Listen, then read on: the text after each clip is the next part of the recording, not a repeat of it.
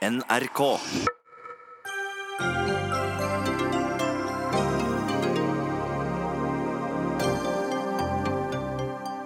Statsbygg har tegnet nytt signalbygg til 1,5 milliarder til Brønnøysundregistrene.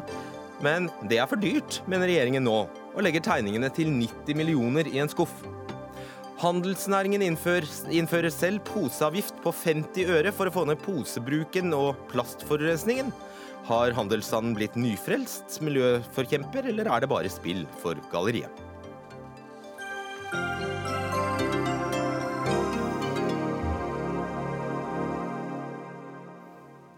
Riktig god kveld og velkommen til Dagsnytt 18. Mitt navn er eh, Fredrik Solvang.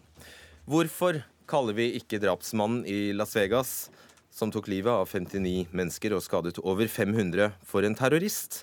Hvorfor kaller vi ikke skytemassakren i Las Vegas for en terrorhandling? Det skal vi spørre en terrorforsker og NRKs egen eh, etikkredaktør om, men før det. Omar Ashraf, du er samfunnsdebattant. Du syns det er viktig å løfte denne problemstillingen. Hvorfor det?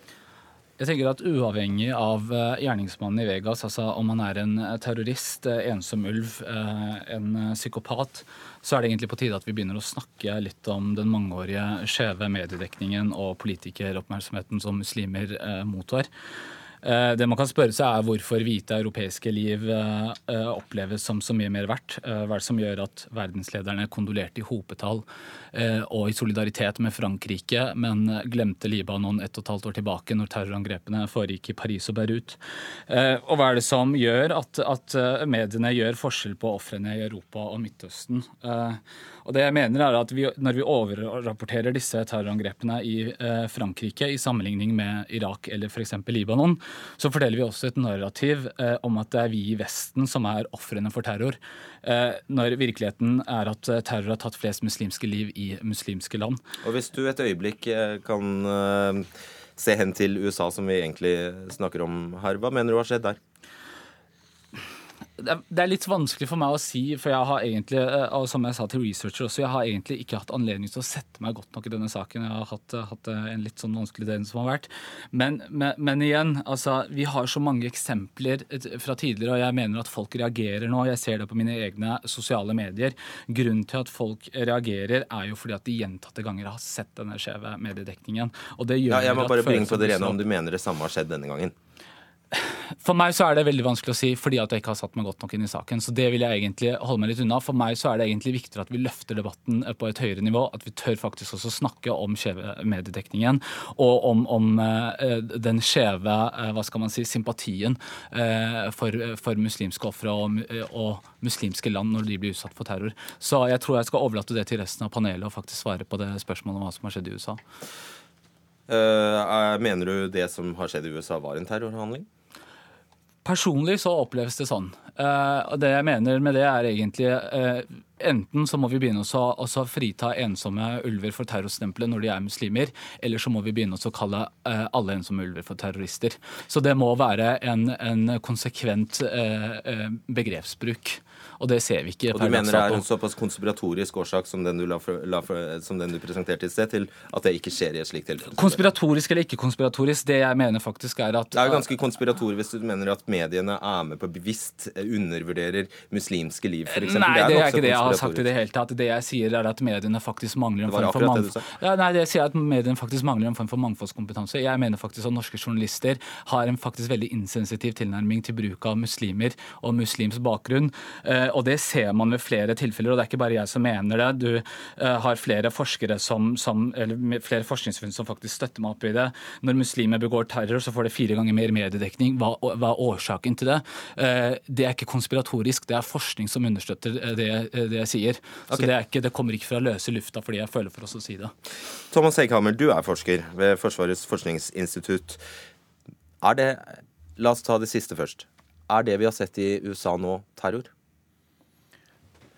Nei, ikke eh, med den informasjonen som vi sitter med per i dag. Det er veldig enkelt. For at det skal være terror, så må vi vite noe om intensjonene til gjerningspersonen. Eh, og hvis eh, det er noen indikasjoner om at de intensjonene er politiske, da kan vi snakke om terror. I dette tilfellet, så, vidt jeg har fått med meg, så foreligger det ingen indikasjoner om vedkommendes intensjoner, eller at de skal være politiske. Og da mener jeg at det er ingen grunn til å definere det som terror. Og jeg vil si at Eh, det kan godt hende at det har vært eh, tilfeller tidligere hvor man har brukt eh, terrorbegrepet feil, eller for lite. Men det heter jo på godt amerikansk 'two wrongs don't make a right'. Altså Fordi man har vært inkonsekvent før, trenger man jo ikke å, være inkonsekvent nå for på, måte, på den måten å, å, gjøre opp, gjøre bot for feil man har gjort tidligere. Vi må være konsekvent, og, og, og jeg vil si at hadde man hadde en tilsvarende situasjon med en muslimsk gjerningsmann, og vi hadde visst like lite om intensjonene, jeg hadde også sittet her i studio i dag og insistert beinhardt på at det ikke er terror. Men det er jo ikke bare Omar uh, Ashraf som uh, er av den formening at uh, terrorist og terrorbegrepene sitter utrolig løst så snart det er snakk om mistenkte muslimer. Mens, er, mens når det er snakk om så snart det kommer fram at det f.eks. da er en hvit middelaldrende gal mann, så blir man plutselig påholdende og veldig stramme med definisjonene. Jeg er ganske uenig i det. Eh, og jeg ser at det er veldig mange som mener det, eh, og som påstår det, men det er lite empiri på det. Om jeg ser her til en undersøkelse om det her fire ganger mer oppmerksomhet. Det er en undersøkelse fra USA, hvor jeg tror medielandskapet er ganske annerledes enn i Europa og i Norge. Det er også en undersøkelse er, som er basert på et lite utdrag i tid, som bl.a. inkluderer Boston-bomminga, som da trekker opp veldig på den muslimske sida. Når det gjelder Europa, så har vi, så vidt jeg vet, ingen dokumentasjon på det her. Og, så det, det, det, kastes ut påstander om at det er sånn og sånn, og at det defineres sånn og sånn, men jeg har ikke sett empiri på det. Og jeg, Min opplevelse fra, og jeg er jo med i diskusjoner på Twitter og andre plasser i kjølvannet av sånne aksjoner, min opplevelse er at folk er veldig forsiktige med bruken av terror. Og, og selv når det er muslimske gjerningsmenn, så er man veldig forsiktig. Man venter til man har noen klare indikasjoner på, på ideologi. Og man er, også, man er også veldig tydelig når det har skjedd angrep mot muslimer iallfall i mine kretser, på, på forskningskretser på Twitter og andre steder, veldig, veldig, veldig, klare på det at her skal vi ikke nøle med å kalle det for terror hvis det er høyreekstremistisk tankegods. Kanskje dere bare har veldig forskjellige Facebook- og Twitter-feeder, Ashraf? Eller forskjellige forskningsfunn å vise til. Eh, blant annet så viser forfatter Gunnar Roland Schomlid eh, eh, på sin egen blogg til en forskning i 2015 mellom 2011 og 2015 bare 2% av terrorangrep mot EU-land har vært drevet av islamistiske motiver. Det gjenspeiler ikke verken det norske medielandskapet eller det vestlige medielandskapet. Videre så kan man vise til angrepet som skjedde i Finsbury Park-moskeen i London. Hvit mann, 47 år gammel, kjører en hvit varebil rett inn i en gruppe muslimer. Én død, elleve skadde skadde. Eh, to dager senere så eh, rapporterer den britiske avisen The Times eh, at gjerningsmannen eh, var en arbeidsledig aleneulv. Det hadde aldri forekommet hvis man hadde hatt et tilfelle med en muslimsk mann som kjører en varebil. Så du etterlyser Men det er en veldig empiri. sterk anklage du kommer med Der, er en fryktelig sterk anklage. Men dette er sentimenter som veldig mange muslimer sitter med. Ja, det er, men det trenger jo ikke å være riktig, det er poenget. Man kan ikke kalle så mange muslimer for desillusjonerte. Da begynner man, Og når man i tillegg har forskningsfunn som bekrefter det, så mener at man må begynne å se litt på, på egen medieetikk, og vi må begynne å tenke litt på at mangfoldskompetanse og kompetanse om religion, kompetanse om, om kultur, det er altfor stor mangelvare i både norske og vestlige medier. Og man trenger faktisk ikke å se langt inn i redaksjonshusene i norske medier for å finne ut av at det er ganske lite mangfold. Det representerer verken at hver tredje borger i Oslo har en innvandrerbakgrunn, eller hver femte ja, det er en litt annen borger i okay, det er en litt, har en litt annen diskusjon. Ashraf, det er en veldig hvis... viktig kobling her, og det må man få med seg. Det er en sammenheng der. Hvis, eh, for vi, får inn redaktøren aldeles eh, straks, men la meg spørre deg, Hegammer. du leser jo selvfølgelig aviser og nettaviser og får med deg det som eh, skjer i mediene. Er det, kan du gi han kan du gi ham rett i at det er en, i hvert fall en feil rapportering? Om dere forskere holder tunga rett i munnen, kan du, kan, kan du gå med på det? At, at mediene ikke klarer å, klarer å balansere dette riktig? Ja, Det er mulig at det er en lite bias. Skal, det kan jeg være med på uten at jeg har sett klar dokumentasjon på det. Altså Den Tjomli-undersøkelsen den er jo basert på eh, måtte, Jeg tror han bruker Europol-data. og, og det kan ha en hel diskusjon om hvorfor det ikke er en relevant metrikk. Eh, det er åpenbart for alle som følger med i nyhetene at de, de, største store angrepene i Europa i dag utøves er, er, er, av militante islamister. Eh, men Eh, men, men, eh, jeg tror bare det ikke er helt riktig, de påstandene om at uh, som man nevner her, f.eks. det med Finsbury Park. De fleste medier, inkludert BBC, de var veldig tidlig ute og sa at det her er terror. og det er flere, jeg så at da, Også etter den hendelsen så var det masse påstander i etterkant om at det tok så lang tid for å bli erklært terror. Jeg tror det var snakk om 45 minutter noe sånt før de første mediene erklærte det som terror. Men det var et lite angrep? Er det derfor, det ikke får mer, er det sånn du forklarer at det ikke fikk mer oppmerksomhet enn det gjorde?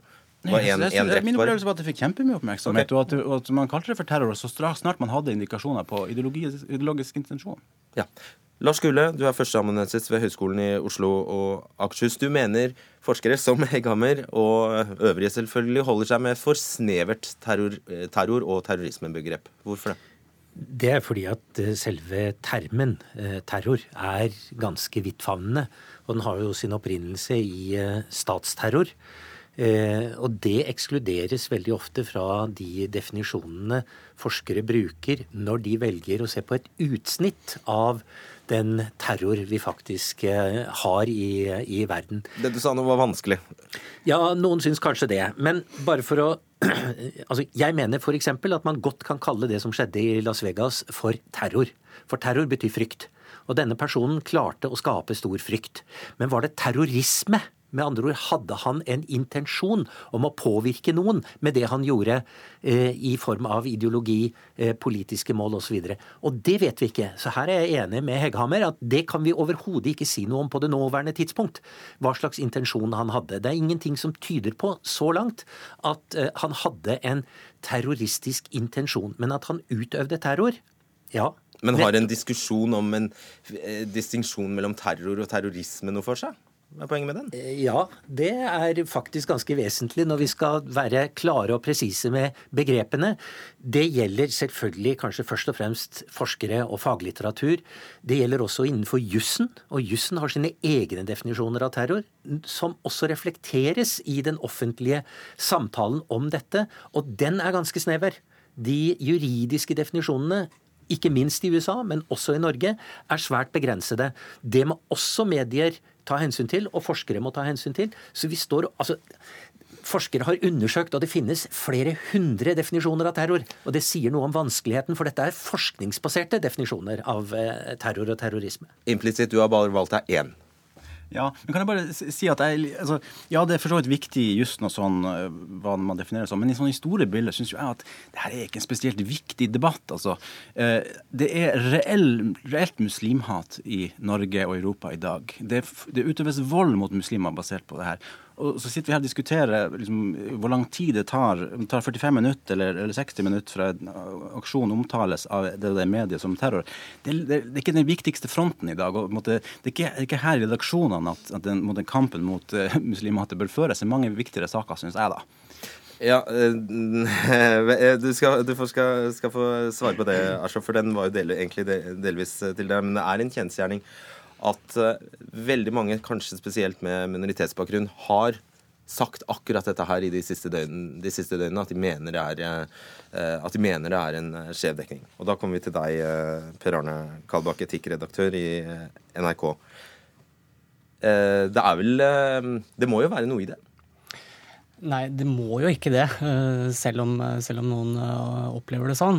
Og så kan det sikkert finnes enkelteksempler hvor medier har vært har brukt begreper upresist, eller vært seint ute med å, med å, bringe vesentlig informasjon og, og, bruke riktige begreper. Men for oss så handler jo dette om Det er ikke sånn at vi i NRK eller andre medier kan selv bestemme oss for hvilken definisjon vi syns er rimelig å bruke, eller at vi selv skal bestemme når et angrep er stort nok eller alvorlig nok nok til at kan kalles, eh, kalles, terrorisme. Vi forholder oss til det som er de gjengse allmenne definisjonene her, og som heller ikke ble eh, at du må ha en intensjon religiøst, ideologisk eller politisk begrunnet, om å ramme utover den volden du faktisk, faktisk, begår, og ramme samfunnet og borgerne i det.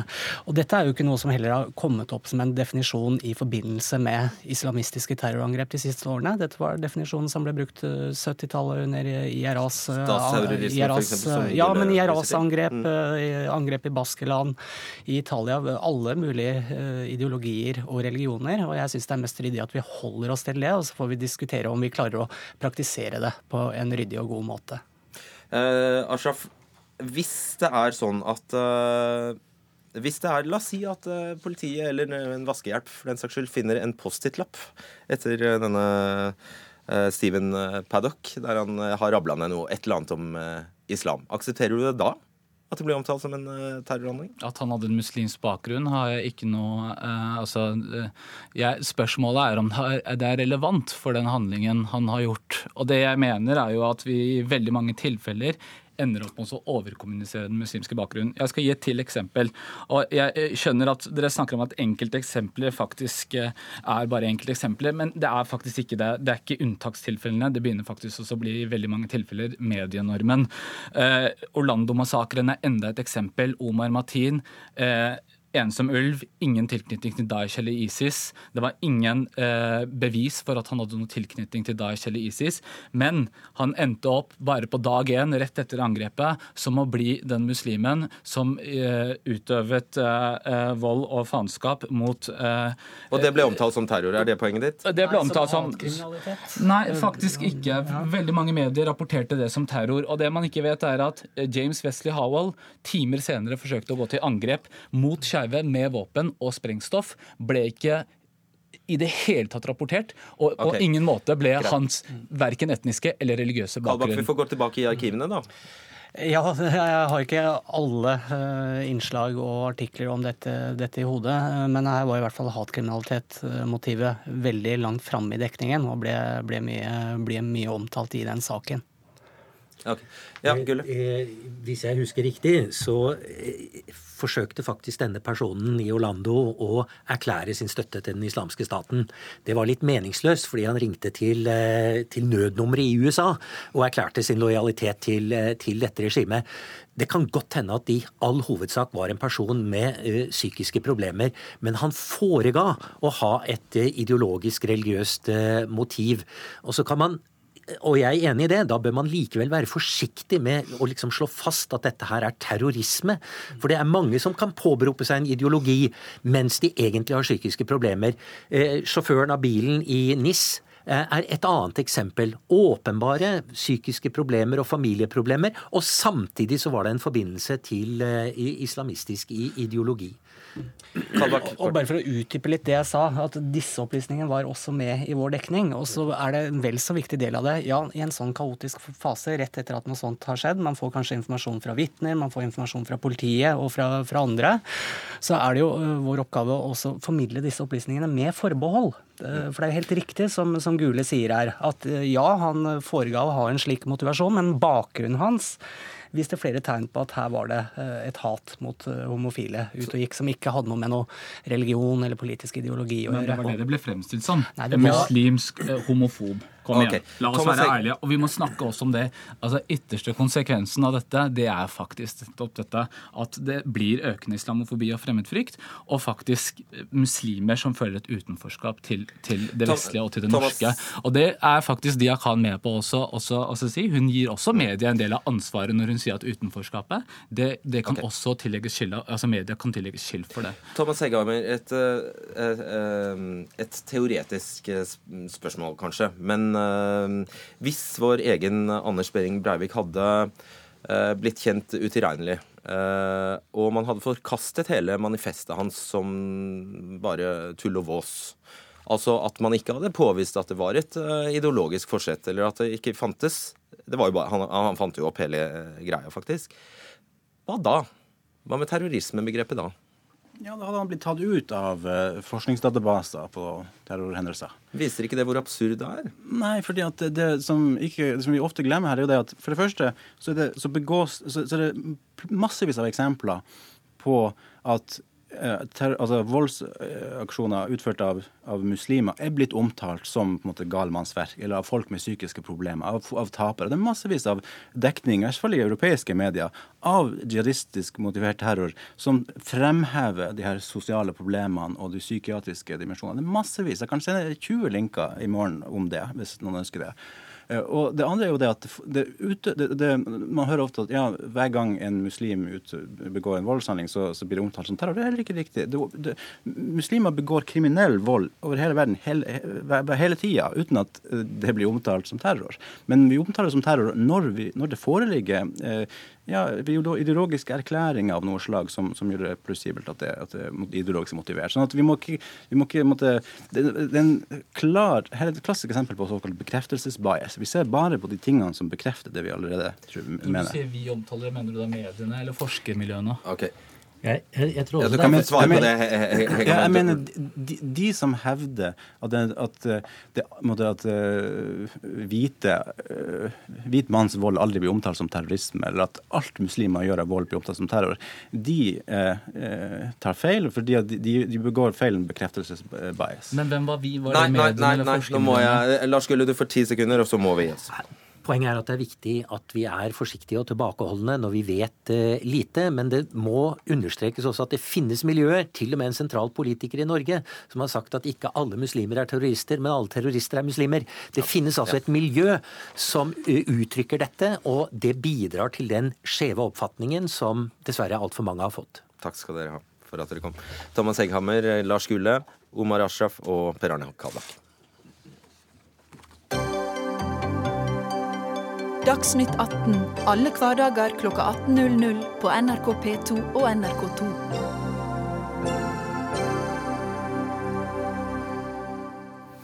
Gjennom Oslopakke 3 ble Oslo og Akershus enige i 2016 om at rushtidsavgift og prisøkning på kollektivbilletter skulle finansiere en historisk utbygging av kollektivsystemet i hovedstaden. Nå vil Oslo-byrådet ha omkamp om dette punktet i avtalen, og legger 141 millioner på bordet for å unngå økte kollektivpriser, og inviterer Akershus til å gjøre det samme. Raymond Johansen, byrådsleder for Arbeiderpartiet i Oslo. Nøyaktig hva står det i den avtalen du antagelig høytidelig har signert på?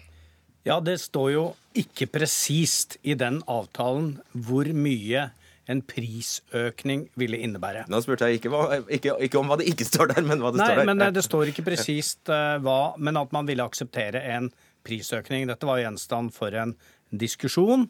Samtidig så står det veldig tydelig der at man ville skjerme de som reiser ofte.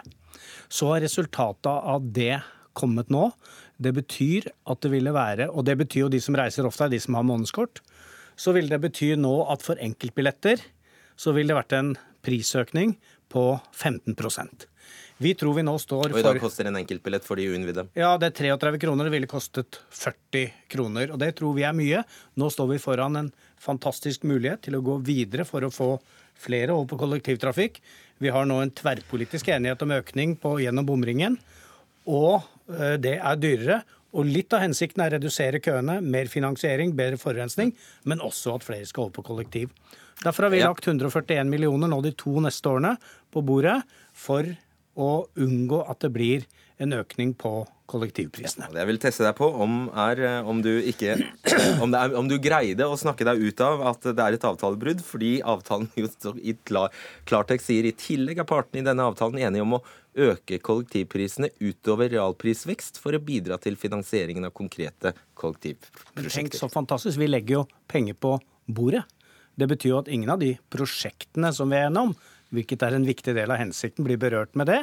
Fordi vi tror at, vi er, at det så er så viktig nå å holde kollektivprisene på samme nivå. Ja. Det er uh, Anette Soli, fylkesordfører for Høyre i uh, Akershus. Uh, vanskelig å forstå hvorfor dere ikke skulle være enig i dette? Vi er jo veldig enig i å styrke kollektivtrafikken. Og det er jo derfor vi har gått inn på Oslopakke 3-avtalen. Og så mener vi eh, og fylkestinget i Akershus at det viktigste for oss er ikke å skjerme prisene, men å få bygget Fornebubanen og sentrumstunnelen, og få styrket eh, tilbudet både når det gjelder eh, ruter og frekvens. Og det, da vet vi at Raimond får til begge deler? Ja, vi får i hvert fall ikke til det i Akershus. Vi vet at vi må velge mellom å styrke tilbudet, vi må velge mellom flere avganger og flere bussruter. Og å gjøre billettene billigere, eller verne den prisen som er. Og I hvert fall så kan vi være enige om at det dummeste vi gjør, er også å sette de store prosjektene som Oslopakke 3 eh, finansierer, eh, på spill. Fordi at vi må ha flere penger inn i denne pakka for å klare å få til finansieringen. Kort, er det et løftebrudd? Ja, det er jo eh, noe i nærheten av, i hvert fall. Og jeg syns jo det er rart å inngå en avtale med oss det ene året, og så komme tilbake og gå bort fra den det andre året.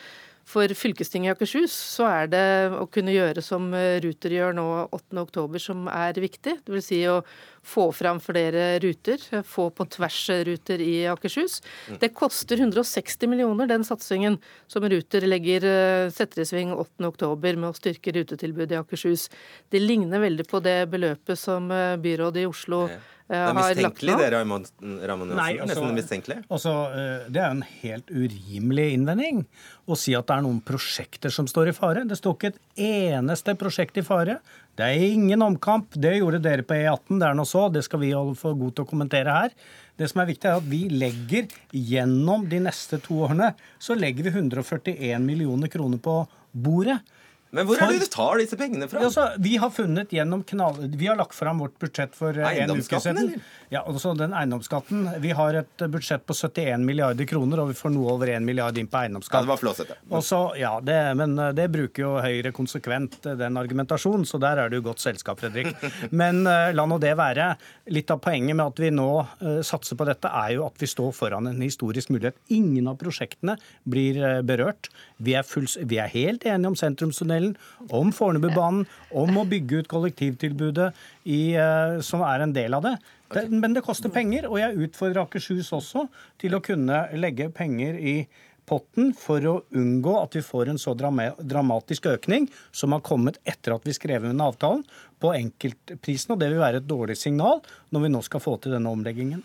Lykke til med å stå ansvarlig for 40 kroner per enkeltbillett. Men det vi trenger aller mest i Akershus, det er å få flere avganger og få et kollektivtilbud som faktisk folk kan bruke. ja, men Det er ikke den situasjonen du er i nå. Jo, jeg er det. Anette, jeg er du er i den situasjonen at han har lagt penger på bordet. Nei. Legger men, ikke du tilsvarende, men, så får du ansvaret og skylda for at billettprisene øker. Men da sier jeg at vi heller vi, vi har vært enige om å stå sammen om å øke billettprisene.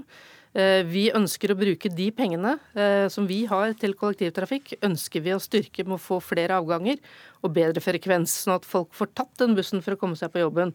Sånn at de får mulighet til å sy sammen dette fylket vårt. Eh, vi ønsker ikke å ta penger fra den satsingen for å bruke det på å verne kollektivbillettene. Men hvis det er så viktig for Oslo å gjøre det, og dere har tydeligvis mye mer penger enn oss, så dere må jo gjerne gjøre det, men da får dere ta hele regninga, da. Sånn at vi kan fortsette sånn at vi kan fortsette å styrke rutetilbudet og få bedre frekvens. Da kan dere finansiere okay. hele. Vær så god. Det er, jo, det er jo friske penger vi legger på bordet. Vi prioriterer kollektivtrafikken gjennom knallharde prioriteringer i våre budsjetter. Og det er klart vi, Jeg er opptatt av Uh, også og, uh, at de som bor i Oslo skal greie å holde kollektivprisene på samme nivå. Men vi eier dette selskapet sammen, og jeg er veldig glad for uh, de enighetene vi har fått rundt bompengesatsene. Men det dreier seg om friske penger. Derfor syns jeg det er en urimelig diskusjon å snakke om at man setter noe som helst av prosjektene i fare. Kan ikke og, du også bare finne litt friske ja, penger? Det ja, og de vil vi bruke på å styrke rutetilbudet, og ikke på å verne prisen. Men hvis det er så altså, viktig for Oslo, hvis det er så viktig for Oslo å gå eh, inn og verne de billettene og gå bort fra det vi har vært enige om, så syns jeg dere kan ta på dere hele finansieringsansvaret for det gapet, sånn at vi kan styrke avgangene ja, våre. Okay, er siste. Det er, det er, vi, legger, vi, har tatt, vi, vi eier 60 av Ruter, Akershus 40. Det det vil koste å holde eh, billettprisene på omtrent samme nivå de to neste årene, er for Oslos del 141 millioner. Ja, men så hører du, hun er, ikke med. hun er ikke med, hører du. Jo, men det skal, det skal vel også jeg, Venstre i Akershus har vært veldig positive, og dem er avhengig av å få et budsjett på det. Vi har et fylkesutvalgsvedtak fra juni hvor vi prioriterer tilbudet og ikke prisene. Jeg, jeg, tror vi gjør en historisk feil når vi nå samtidig øker bompengesatsene og ikke og holder kollektivprisene på et de, lavt nivå de, for å få enda flere til å kjøre kollektiv. De styrket vi med på søndag nesten 70% mer for å kjøre dieselbil inn i Oslo.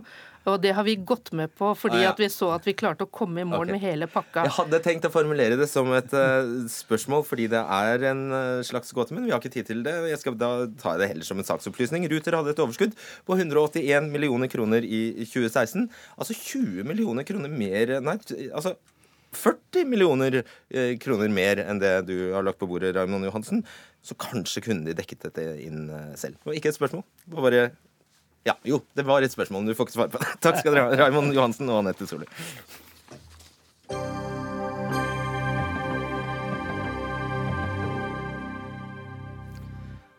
Brønnøy kommune i Nordland får ikke signalbygget de har gledet seg veldig til. For etter at Statsbygg har klart å bruke nær 90 millioner kroner på å prosjektere et nytt bygg til Brønnøysundregisterets 500-600 ansatte, er prosjektet skrinlagt.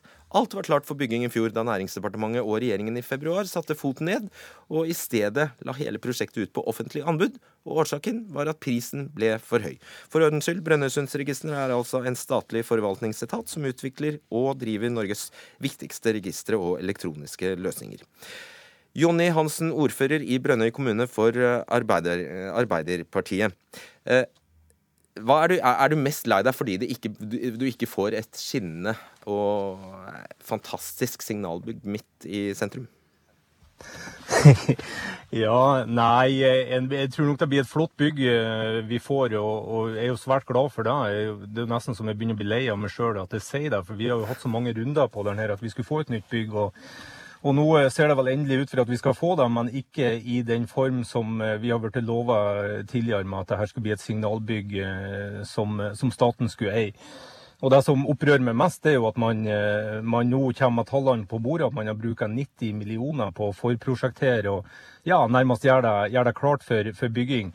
Og så finner man ut at man, eh, man eh, vil gå en, en, annen vei og nærmest starte på nytt igjen med å få inn private aktører. Jeg bare, bare, forklar det for oss. fordi Det var jo altså i februar som jeg sa, at uh, regjeringen bestemte seg for å legge dette ut på anbud. Men prisen, prislappen for selve ja, for tegningene ble altså ikke kjent før nå? Nei, eh, vi fikk jo høre at eh, forprosjektet skulle koste 30 eh, millioner.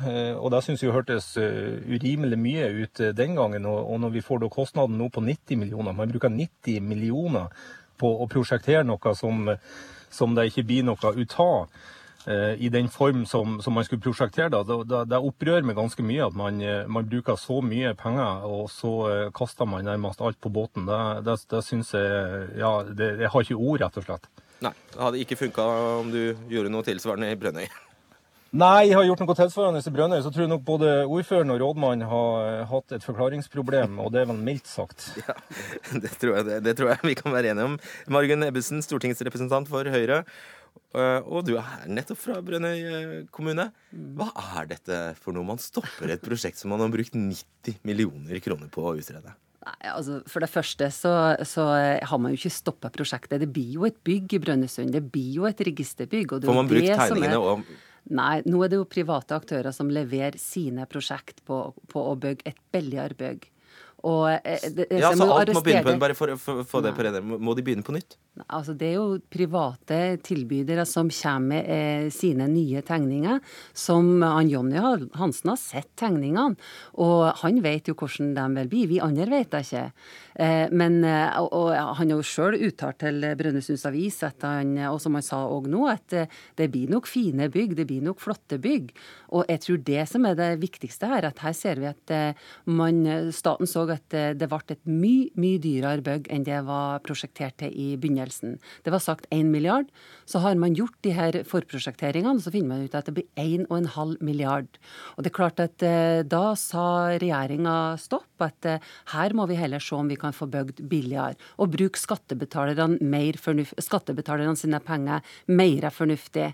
Og nå har ja. man fått inn gode tilbud. Man har fått inn to gode tilbud som er billigere enn det som, eh, som lå i anslaget fra Statsbygg. Og nå er altså planen at uh, private utbyggere skal stå for selve byggingen. og så skal staten leie tilbake. Ja. Eh, altså, Jonny Hansen, en sprekk på en halv milliard kroner, det må man ta hensyn til?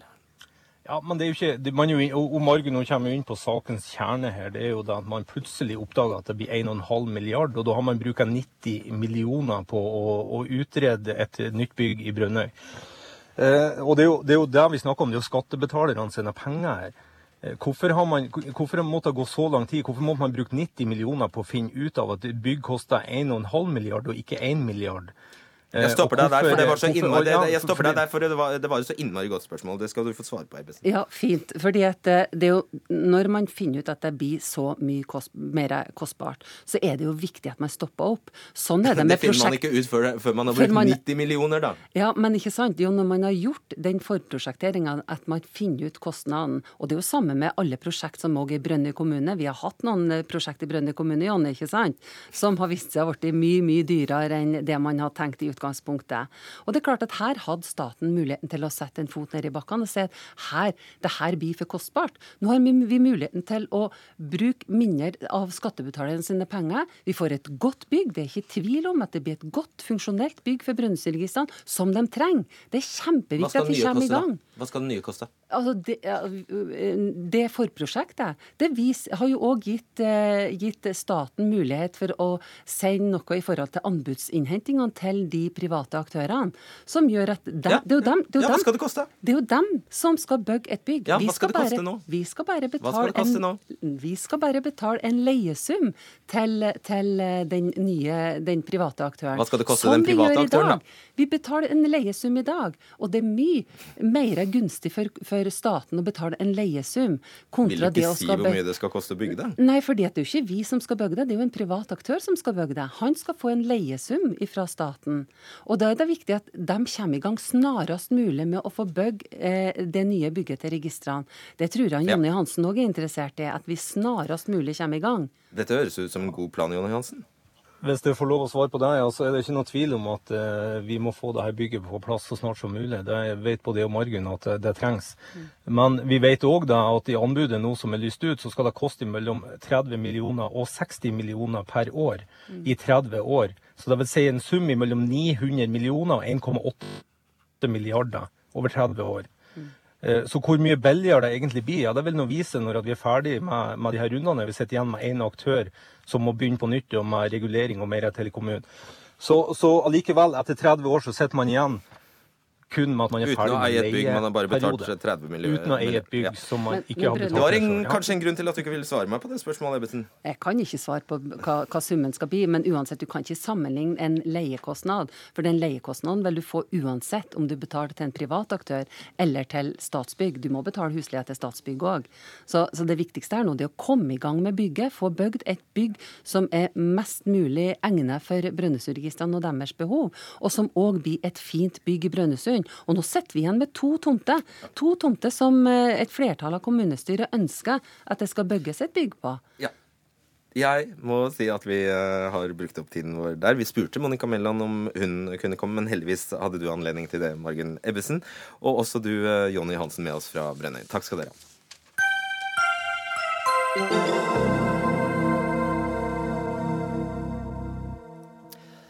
Handelsnæringen innfører nå en poseavgift for å ta ned posebruk og plastforurensning. Initiativet går ut på at 50 eh, øre fra hvert plastposekjøp øremerkes til et miljøfond som årlig vil utgjøre 400 millioner kroner. Har bransjen plutselig blitt en miljøforkjemper?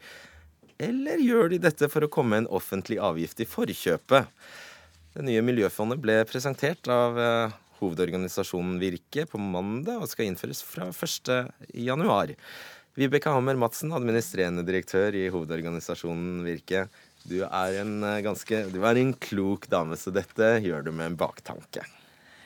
Ja, dette gjør jeg fordi at uh, våre virksomheter innenfor handel har uh, sagt til meg at uh, dette må vi finne en, uh, en, løsning på. De er så opptatt av plastproblemet. Uh, ja, det, men det er to ting. Helt klart at Vi har fått et EU-direktiv. Så EU sier klart ifra at alle må være med og bidra, så vi får redusert plastposer. Og da er det jo like greit å kunne gjøre, si, ta ansvaret selv og gjøre noe med det. Og det andre er jo også at eh, nå har vi jo fått en hval med maven full av plast. Og det er klart det at det å kunne bidra her til å sikre at vi får eh, et eh, rent hav og gode strender, det er man også med på å gjøre. Og For å få med på kjøpet, 400 millioner til å gjøre det du vil? Det er jo sant, to fluer i ett smekk. Vi både eh, møter EUs eh, krav, og vi deltar i å rydde opp på strendene. Og vi faktisk også gjennom det kan drive med forskning for å se hvordan vi også kan få mer av eh, resirkulert eh, plast. Du, hva koster det å lage en plastpose? Ja, hvorfor spør du om det? Ja, Det er interessant for samtalen. Det koster maksimalt 15 øre per pose. Selges i dag for én krone. Dere går altså inn for en avgift som er 50 øre. Med andre ord, dette er noe av dere, det dere tjener aller mest penger på i dag plastposer. Ja, men poenget er nå at uh, Jo, men det, altså, du ler, du. Ja. Altså, jeg opplever at vi har et sett av aktører som ønsker å være med og ta et miljøansvar. Og det har jo denne bransjen gjort ganske lenge. Ja. Med sirkulering. Vi panter flasker. Vi leverer inn den plassen. Og vi må huske på at 80 av de, det, det, vi har i dag av disse plastposene, de brukes jo mer enn to ganger. Og de brukes jo til avfallshåndteringen. Så um, Holger Slaupitz, fagsjef i Naturvernforbundet. Hvorfor tror du Virke nå kommer med dette edle initiativet? Jeg tror jo det oppriktig at det er mange i bransjen som er opptatt av plast som et eh, problem. Og det har vi jo fått forsterka med hvalen er nevnt. Vi har mikroplastproblemet som forsøpler og eh, som eh, ødelegger drikkevannet osv. Men jeg tror ikke at dette her er nok til at vi løser det problemet. Så det er jo en måte å komme et statlig tiltak i forkjøpet på. Og det syns jeg også er redeliggjort av bransjen. Men vi må nok få litt kraftigere virkemidler for at dette her skal monne. For det er mye som skal til for å både redusere posebruken og for å erstatte plast med andre mer bærekraftige materialer, ja. og ikke minst resirkulere. Ja, ja, vi, må, eh, vi, må, spole. Det går inn i argumentasjonen. Altså, jeg tror ikke vi henger med på argumentasjonen. Du, du, la, det første først. Du hevder altså at det vil komme en poseavgift åkke som. Altså EU har jo eh, sagt at her må Norge og alle medlemsland og EØS-land gjøre noe. Og eh, det tar jeg på alvor. Altså da, det, det, regner jeg med at ja. norske myndigheter må følge opp. Ja. Og så sier du at Virke kommer den, det, altså ut, gjennomføringen av det EU-direktivet som vil bli til norsk lov, i forkjøpet. Og så lager de et fond. Mm. Hvorfor tror du de gjør det? Det er vel for å få litt mer styring på eh, virkemiddelbruken og disse pengene. Hva betyr det? Ja, det betyr jo at de får litt mer hånda på rattet på hvordan eh, ting skal skje. Og eh, det kan være bra, det, men det er ikke sikkert det er bra nok, er mitt poeng. Vær litt mer, Jeg skjønner ikke hva det er. Nei, altså At bransjen innfører ei avgift går, hvor pengene går inn i et fond, det gjør jo at vi får muligheten til å gjøre tiltak i Men samfunnet. Men det blir bransjens penger, er det det du frykter? Kan det bety at Eller? Ja, altså, jeg stoler på at bransjen kommer til å bruke disse pengene på en god måte inntil det motsatte er bevist. Og det får vi jo se på. Så skal vi henge på som en klegg og passe på at dette her faktisk gir en effekt. Ja, for hele handelsbransjen er opptatt i å bidra til at vi får bedre klima og miljø. Og eh, dette er jo et av de tiltakene hvor man også ser at et slik eh, eh, miljøfond også kan bidra til å jobbe med flere elementer innenfor den miljøomstillingen som hele handelen eh, står overfor. Som både dreier seg om eh, kunnskap eh, for de som jobber der, men også kunnskap hos oss forbrukerne, for å motivere dem til å bruke da jeg håper å si, riktig plast okay, når vi skal bruke bruke eh, plast eller bruke annet. Og her er vi ja. enige om at vi må bruke eh, også da forskningsmidler til å se på hvordan vi kan komme over i mer bærekraftig materiale også. Så La dette er vi faktisk ganske enige om. Ja, jeg hører Tro det. Eller? Jeg hører det. Lars Andreas Larsen, du er eh, Eller Larsen, nå skal du høre? Ja, unnskyld meg. Lars Andreas Lunde, statssekretær i, i Høyre. Eh, i eh, Klima- og miljødepartementet. Eh, stemmer det at uansett vil være på trappene en poseavgift? Norge er forpliktet til å gjennomføre et EU-direktiv om å redusere bruken av plastposer, og at det skal at man skal ta betalt for, for, for posene.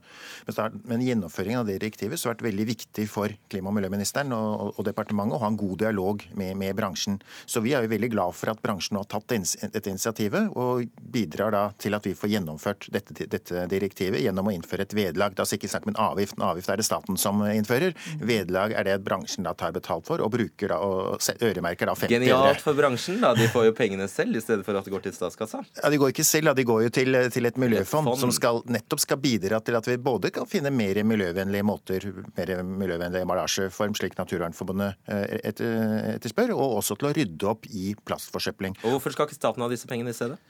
Staten bruker allerede en del. Vi bruker eh, ja, vi, har økt, Regjeringen har økt betydelig økning i hva vi bruker på å rydde opp i plast. eh, Fra, fra 15 millioner til 35 millioner kroner i budsjettet for 2017. Men dette fondet gir oss altså, altså ti ganger så mye penger til å rydde opp i plastforsøpling og til å finne Hvorfor svarte du ikke på spørsmålet mitt nå? Eh, Fordi at disse pengene blir jo nå øremerket til å kunne rydde opp i forurensningen. Hvorfor skal ikke staten ha disse pengene? Fordi at dette ikke er en avgift, dette er et vederlag. Hvorfor ikke lage en avgift? Fordi at vi er mye bedre å ha en, en frivillig ordning der bransjen selv tar et ansvar og sørger for at vi får gjennomført dette direktivet i, i dialog med, med, med bransjen. Er det bransjen som styrer norsk klimapolitikk eller miljøpolitikk nå? da? Nei, det er, vi har gjort dette i dialog med bransjen, men det er mye bedre å ha positive tiltak fra bransjen med positive virkemidler enn at vi skal tre en avgift nedover hodet på dem som de ikke ønsker. Jeg vil minne om, Vi som skal betale den, da, eventuelt. Vi, det har jo blitt foreslått en avgift for to år siden. I budsjettforliket for 2015 så ble det jo foreslått en, en avgift. Den vakte stor motstand både i bransjen og i deler av miljøbevegelsen, eh, som har valgt å legge den, den, den på isstang. Nå har bransjen selv tatt initiativ til en frivillig vederlagsordning hvor pengene skal brukes nettopp til å, til å rydde opp i søppel og til å forebygge eh, forsøpling. Jeg skjønner Slagpitz, at alle skal være enige her, men eh, kan du se noen betenkeligheter ved at eh, man altså lar det være opp til bransjen å forvalte opp til en halv, blir sikkert enda mer etter hvert, en halv, 400 millioner eh, til å begynne med, og det er altså eh, næringslivet selv som skal styre politikken.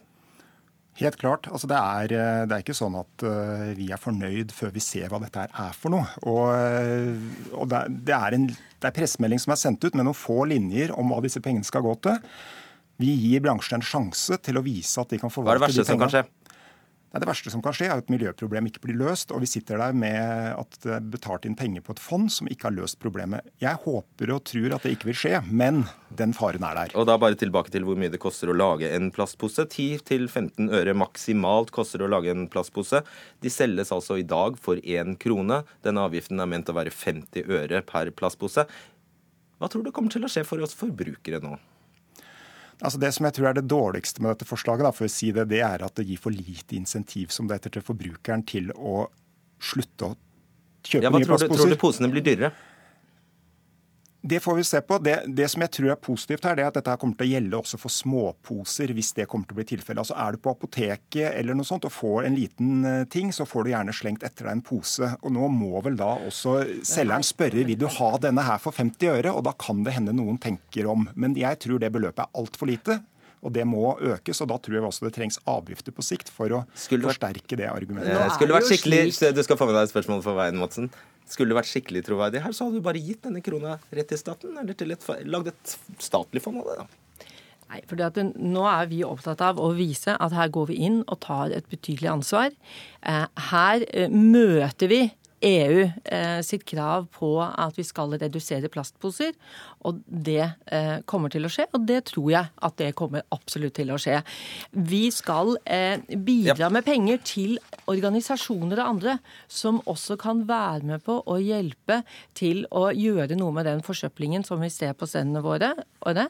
og vi altså skal sammen med mange flere se på hvordan vi skal forske. Og det er altså slik at dette kommer vi til å gjøre i et, eh, i et samarbeid, og det er flere som kommer til å følge opp hvordan vi kommer til å bruke dette miljøfondet. Og jeg, Jeg jeg syns vi skal snu det og se på hvor positivt det faktisk er. For jeg er helt sikker på at forbrukerne våre er også med til å gjøre det. For vi ønsker å ha fisken vår uten plast. Vi bare lurte på hvor pengene skulle gå. Takk. Vibeke Hammer Madsen, Holger Slagpitz og Lars Andreas Lunde. Hør Dagsnytt 18 når du vil. Radio NRK NO.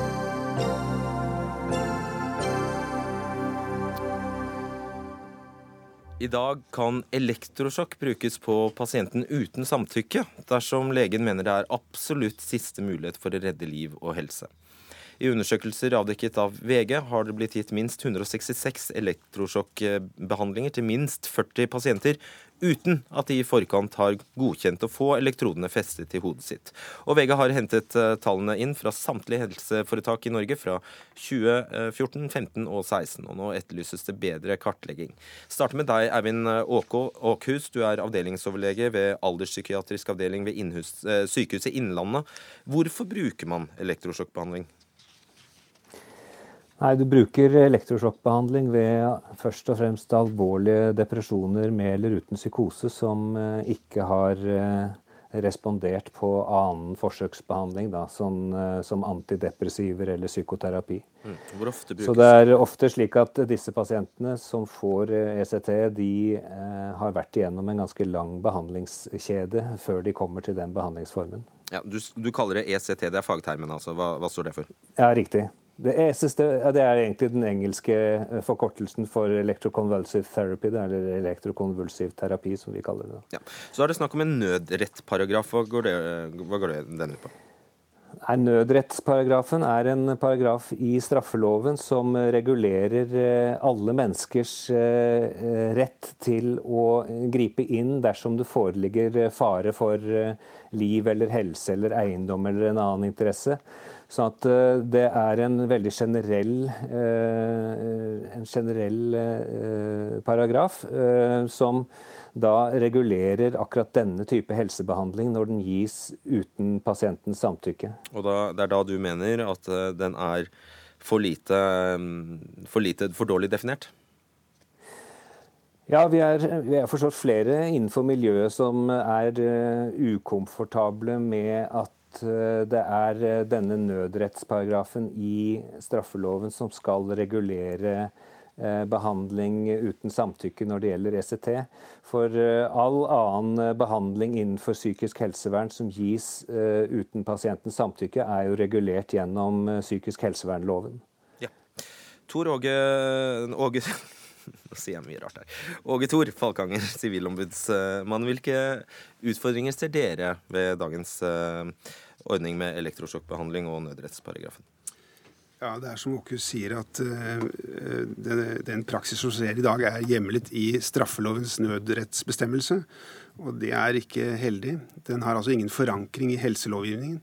Det er i utgangspunktet forbudt å uh, drive med ECT overfor personer som ikke samtykker, og det må være et uh, informert samtykke.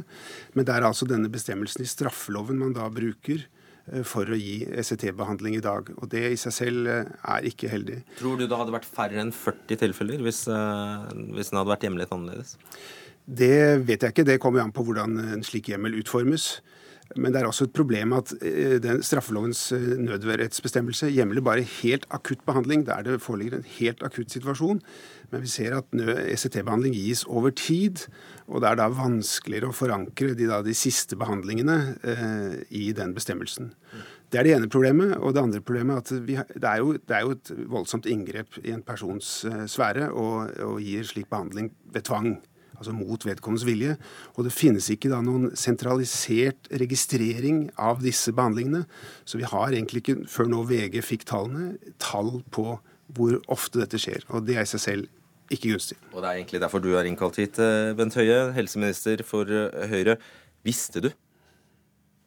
Vi visste ikke omfanget av dette, men vi visste om dette problemet. Eh, fordi at eh, dette er noe som både Sivilombudsmannen, men òg Europarådet har påpekt tidligere, og som også er tatt opp av fagmiljøet.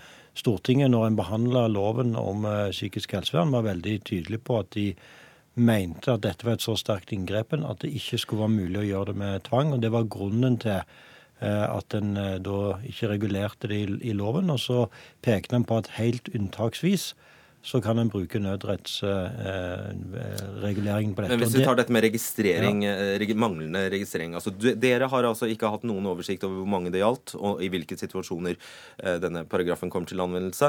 En overlege som VG siterer, eh, sier at registreringen nå baserer seg på altså han må bare, han, Ifølge det han husker, Altså hans egen Nei, altså, hukommelse. Det, så var det så, så mange I så fall tilfeller. så følger han ikke det som er kravene. fordi det er helt, helt klart at uh, bruken av denne nødrettsparagrafen knyttet opp til dette. Det skal bl.a. journalføres i pasientens journal. Bruken av eh, av VCT skal òg rapporteres i, i, pasientregisteret. Det som, jeg, også, som jeg kommer til å be Helsedirektoratet om å se på, det er òg at vi skal få en egen rapportering der en òg teller eh, de gangene en bruker nødrettsparagrafen for å, å, bruke dette og rapportere til nasjonalt, sånn at vi òg får tall på det. Men hovedproblemstillingen er jo knytta til om dette er regulert godt nok i dag. Og Der er jeg veldig enig i at det er en helt relevant innvending. og Derfor så er det over et år siden jeg ga oppdraget som ser på tvangslovgivningen, og nettopp å komme med forslag til en eh, Det var også etter en VG-avsløring? Nei, det var ikke etter en VG-avsløring. Eh, det var etter et stort eh, arbeid som er gjort, nettopp som viser at eh, tvangslovgivningen på mange områder i Norge i dag eh, har behov for en fullstendig gjennomgang. Åkus, eh, tilbake til det, for det er egentlig så er det jo to problemstillinger her. Det er altså loven, og så er det registreringen. Bare til, mm, kort tilbake til dette med registreringen. Fungerer det slik? altså Nå sier jo Bent Høie at det skal registreres? Gjøres det? Ja, altså Det helseministeren jo også presiserer i en oppslag i VG også i dag, er jo dette at den nye retningslinjen for ECT-behandling, eh, e eh, den, eh, den, sier noe om hvordan dette skal dokumenteres. Eller den sier at det skal dokumenteres. Det som er viktig å vite, er jo at den ble publisert nå i juni 2017. Så det er klart at man må jo gi klinikken en viss tid til å områ seg til å få disse systemene på plass. Men det Hva har skjedd før det, da? Det. Nei, det som er en viktig ting, er at eh, selv om man følger krav om dokumentasjon, så betyr ikke det nødvendigvis at uh, handlingen lar seg telle. Da må man, altså Hvis du dokumenterer i journal at det er gitt, og du har gitt begrunnelse i et journaldokument, så har du samtidig oppfylt kravet. Men samtidig så betyr ikke det at du får hentet ut eh, eh, rapporter som kan si noe om forekomsten og mengden av denne type tiltak. Da, for da må man eventuelt gå inn og lese i hvert eneste journalnotat på pasienter som har fått ECT. Og dette gjelder og det også etter det som ble iverksatt fra juni, eller?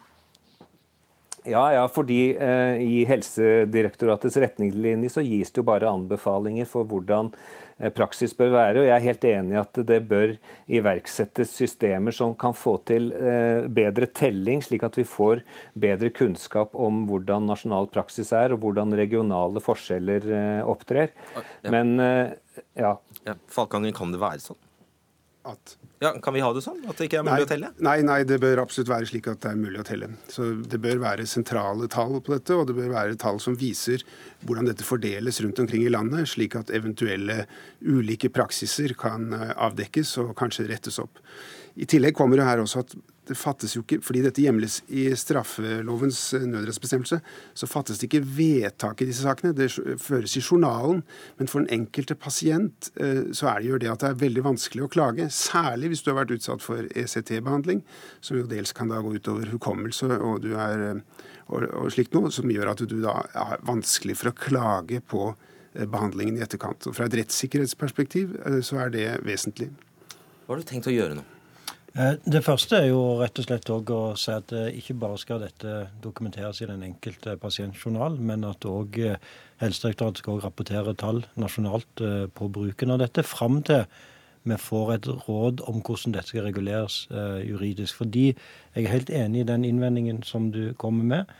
Når Stortinget diskuterte dette sist, så mente en at terskelen for å bruke så, eh, stort, eh, så inngripende virkemiddel som dette skulle være så høy at det ikke skulle være mulig å gjøre dette tvangslovgivningen, og at det skulle derfor eh, være etter samtykke. Så ser vi jo av disse tallene at konsekvensen av det er at det utvikler seg en praksis som gjør at en nok bruker her nødrettsbestemmelsen i et omfang som aldri Stortinget hadde tenkt. Og da må en nettopp diskutere den innvendingen du kom med. Hadde det da vært bedre å ha dette regulert i loven, og det er det vi får råd om fra tvangslovutvalget. Hva er ditt råd da, hva er ditt råd da, Åkus? Nei, Mitt råd er jo egentlig at dette burde reguleres i psykiatriloven, sånn som all annen uh, psykiatrisk behandling uh, gjøres. Og det vil gi oss i mye større grad muligheten til å hente ut rapporter om praksis enn det vi har i dag. Men jeg vil understreke at eh, jeg oppfatter ut ifra mitt kliniske ståsted, så oppfatter jeg at dette er en handling som utføres i svært sjelden grad, og det er samtykke, skriftlig samtykke som praktiseres så å si overalt i Norge. Ja, og det viser vel kanskje tallene også, som VG har funnet. Tusen takk skal dere ha, Eivind Åkus, Åge Thor Falkanger og Bent Høie. Dagsnytt 18 er over for i dag.